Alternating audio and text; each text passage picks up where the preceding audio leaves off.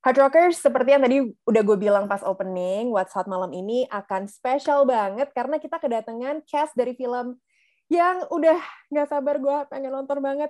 Film seperti Dendam, Rindu Harus Dibayar Tuntas, hasil produksi dari Palari Films. Ini disutradarai oleh Edwin dan diangkat dari novel karya Eka Kurniawan berjudul Sama, yang sudah memenangkan Golden Leopard di Locarno Film Festival 2021.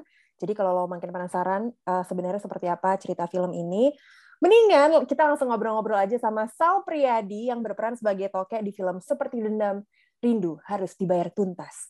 Hai Sal. Halo, hai Dewi. Halo, Apa kabar Sal? Baik, alhamdulillah baik sekali. Kali ini Hard Rockers ketemu sama Sal sebagai narasumber ya. Kemarin sempat siaran ya. Kemarin sempat siaran, sekarang sebagai narasumber kita ajak ngobrol-ngobrol nih ya. uh, soal film seperti Dendam, Rindu harus dibayar tuntas. Ya. Gak boleh kasbon. Oke. Okay? harus Ini harus lunas. Ceritain sedikit dong Sal soal peran lo di film ini sebagai Toke tuh seperti apa sih? Oke. Okay. Uh, gue berperan sebagai Toke. Toke ini adalah sahabat dari Ajo Kawir, sang pemeran utamanya. Uh, gua itu besar dan uh, tumbuh bersama dari rumah yang sama uh, sejak kecil Terus karena satu kejadian di masa kecil kami, uh, gua membuat Ajo Kawir mempunyai satu keadaan yang menjadi latar belakang film ini, gitu. Iya, iya, iya, iya. Ya, Keadaannya ya. adalah uh, gimana ya ngomongnya ya? gua ini gua karena ini hard rockers. Uh, Oke. Okay, Coba gua, Dewi tolong diolah bahasanya. I have ya. the book right here. karena aduh hard rockers aslinya ini uh, harus emang harus menurut gue either lo harus baca bukunya abis yeah. nonton filmnya atau nonton filmnya dan lo baca bukunya tapi harus dua-duanya ngelakuin dua-duanya benar uh, gue juga nggak pengen terlalu banyak kita supaya jangan spoiler gitu ya. Yeah, yeah, yeah, yeah. isinya tentang apa. Tapi kalau dari lo sendiri Sal menurut lo apa sih yang menarik dari skrip film ini? Apakah karena yeah. memang lo juga sudah uh, familiar dengan cerita novelnya Eka Kurniawan gitu? Atau begitu lo memang ditawarkan peran untuk film ini lo lihat skripnya yang bikin lo oke okay, gue mau banget nih ngambil peran ini Oke, okay, uh, eh, sejujurnya karena gue ditawarnya langsung sama Bung Edwin. Bung Edwin tuh, okay. uh, eh, gue tahu Bung Edwin sejak uh, posesif. Gue tahu Bung Edwin hmm. uh, dapat penghargaan sutradara terbaik gitu ya. Terus gue tahu rumah produksi Palari juga banyak uh, punya uh, apa penghargaan gitu. Uh, terus gue ditawarin sama mereka, gue meeting sama produser dan dan uh, sutradaranya. Gue ditawarin mereka akan bikin film yang diangkat dari bukunya Eka Kurniawan, di mana Eka Kurniawan juga gue tahu dari sejak lama gitu. Yeah. Nah buku seperti Dendam ini udah ada di rumah gue, tapi masih dalam keadaan terplastik, jadi belum gue buka sama sekali. Okay. Tapi begitu ditawarin, gue langsung kayak, wah iya gue ada bukunya. Saya itu pulang gue baca bukunya, terus ya udahlah. Uh, kita diminta untuk casting terus habis itu uh, beberapa minggu kemudian gue dikabarin kalau gue dapat peran toke yang membuat hmm. menarik adalah karena ini buku memang sudah terkenal dan jadi bestseller di mana-mana uh, tema yang diangkat juga masih relate sampai sekarang walaupun latar belakangnya diambil di tahun 80-an gitu ya, ya. tentang toxic masculinity gitu dan dan menurut gue ini tema yang penting dan menarik terus treatment yang ada di film ini juga menarik uh, mereka pakai film seluloid ya. Mereka yeah. pakai film seluloid di mana sudah lama banget Indonesia tuh nggak punya treatment ini terhadap filmnya. Hmm. Jadi kalau kalian nonton nanti dari gambarnya itu sudah bisa kelihatan bahwa treatmentnya berbeda dengan film-film lainnya.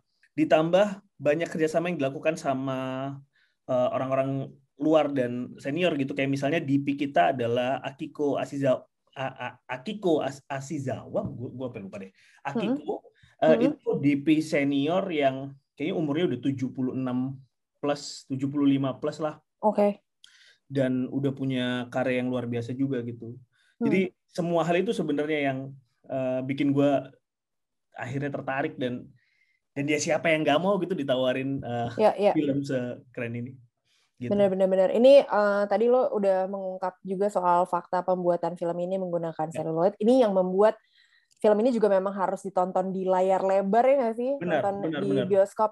Oke, okay. ini kita akan uh, nanti masuk ngobrol lebih dalam lagi soal uh, karakter Toke yang diperankan oleh Sal Priadi karena tadi oh dari awal emang udah langsung uh, dikasih tahu apa lo Jadi- casting buat Jadi gue tuh sempet kayak baca lainnya Ajo Hmm. Kawir juga.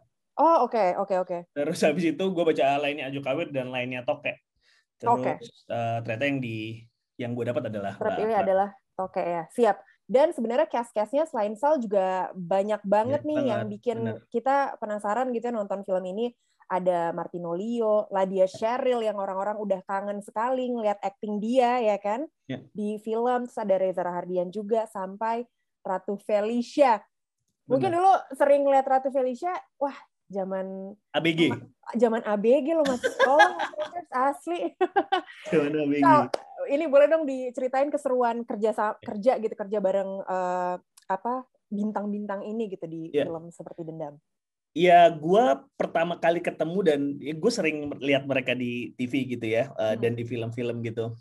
Untuk pertama kalinya gue kenal dan ketemu ya ketika gue bergabung di film seperti Dendam ini. Misalnya pertemuan pertama gue dengan Leo gitu, eh, kita kan juga harus cari yang yang gue bingung adalah gimana menemukan chemistry sementara gue nggak pernah kenal sebelumnya sama orangnya gitu.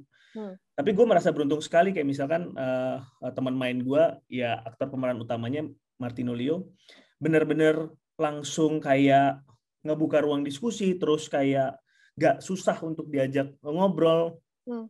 eh, hangat gitu ya per- pertama kali kenalan jadi gua kayak gampang aja gitu masuk terus pemain-pemain lainnya juga kayak misalnya ketemulah dia orang yang gua lihat dan begitu eh, gua kagumi di film ada apa dengan cinta misalnya iya iya. gue harus ketemu sama dia kayak langsung terus orangnya juga kayak very humble dan uh, friendly. Uh, yang paling menarik sebenarnya kejadian gue reading. Gue tuh big reading kan uh, sebelumnya kan cuma reading terpisah dengan beberapa cast. Uh. Gue paling sering ya ketemu sama Ladia dan Leo gitu. Dan Leo. Uh, saat big reading itu kita dikumpulkan di satu ruangan yang sama dan semua cast yang tergabung di filmnya, yang terlibat di filmnya itu ada di dalam satu ruangan dan baca uh, uh, apa ya? skripnya gitu, Baca skripnya. baca naskahnya. Nah, line pertama di film ini adalah line gue. Di samping gue ada Ibu Christine Hakim, sampingnya lagi ada Reza Rahadian, di mana gue kayak, lo jadi lo bisa bayangin betapa betapa gue bisa dibilang Wow. mau muntah rasanya, rasanya udah di di dada gitu. Udah gue harus gue harus eh, mengucapkan eh, eh, line pertama gue gitu terus Uh. gua kayak di pikiran gue aduh tone-nya seberapa ini aduh Iya, iya. gimana gue harus ngapain ya haruskah gue sambil sambil kayak berdiri dan me- melakukan gerakannya gitu terus Hmm. yaudah akhirnya gue baca dan eh, eh, reading itu terjadi tapi seru banget gitu gue gua merasa bahwa semua orang hangat lingkungan kerjanya juga hangat eh, walaupun gue merasa terintimidasi karena nama besarnya ternyata orang-orangnya begitu terbuka dan hangat Jadi justru banyak eh, belajar pasti ya dari aktor dan aktris senior ini ya. Wah, bener deh kebayang. Tapi gue kebayang banget gila pressure lo pada saat reading. Apalagi ini sih Sal, gue memikirkan eh, ini adalah satu bidang yang mungkin bisa dibilang ter eh, bisa dibilang termasuk baru untuk lo yang adalah seorang musisi gitu kan. Ini gimana nih? Lo menghadapi pressure atau itu tadi ya sendiri mungkin lo ada sedikit rasa terintimidasi gitu atau jadinya gugup banget gitu menghadapi hal-hal itu semua. Karena lo akhirnya memutuskan oke ini gue sekarang akan acting nih yang emang berbeda dengan saat gue bermusik gitu Ya. Eh, lo gimana menghadapi tentunya ya gue awal akan eh, menanyakan ekspektasi dan mengukur ekspektasi dari eh, sutradaranya dan Hmm. ya maksudnya gue gue sampaikan sama sutradaranya bahwa gue nggak pernah main atau terlibat eh, Hmm. dengan dengan kegiatan eh, ini gitu maksudnya bikin film dan acting terus mereka bilang oh ya apa kita coba aja akhirnya kita melewati skrip itu nah, maksudnya akhirnya disuruh baca skripnya dan dan Hmm. Lihat sendiri Eh, tapi banyak hal yang ya gue ngobrol-ngobrol sama teman-teman yang diskusi sama teman-teman yang emang udah eh, tahu lebih dulu tentang seni peran banyak ilmunya gitu. Eh, Ya. gue berusaha untuk membedah skripnya. Yang beruntung adalah itu tadi yang gue bilang bahwa teman main sutradaranya asisten direkturnya astradanya itu semuanya kayak benar-benar ngebantu banget gitu. Kita dikasih waktu yang cukup panjang untuk reading pertemuan yang juga cukup banyak ada workshop juga eh, dan langsung bisa ngobrol sama Mas Edwin kapan pun yang kita mau.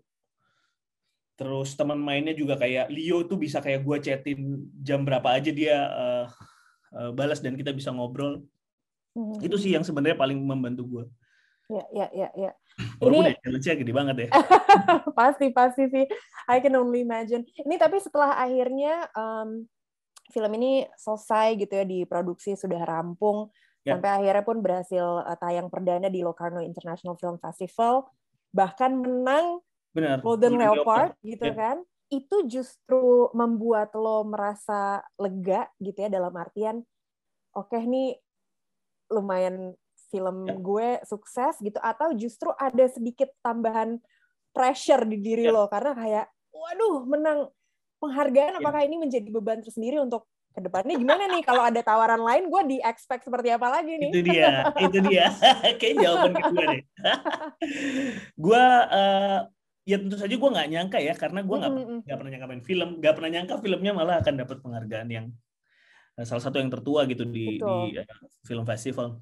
Buat gue ini jadi kayak apa ya menun gue akan gue kayak nampar diri gue sendiri bahwanya hmm. tuh jangan banyak seneng ya nih gitu lo hmm. juga harus belajar karena itu hal yang yang serius di, di waktu bersamaan dengan dengan seringnya gue ngobrol sama orang-orang yang yang uh, apa jalan sniperan gitu ya hmm.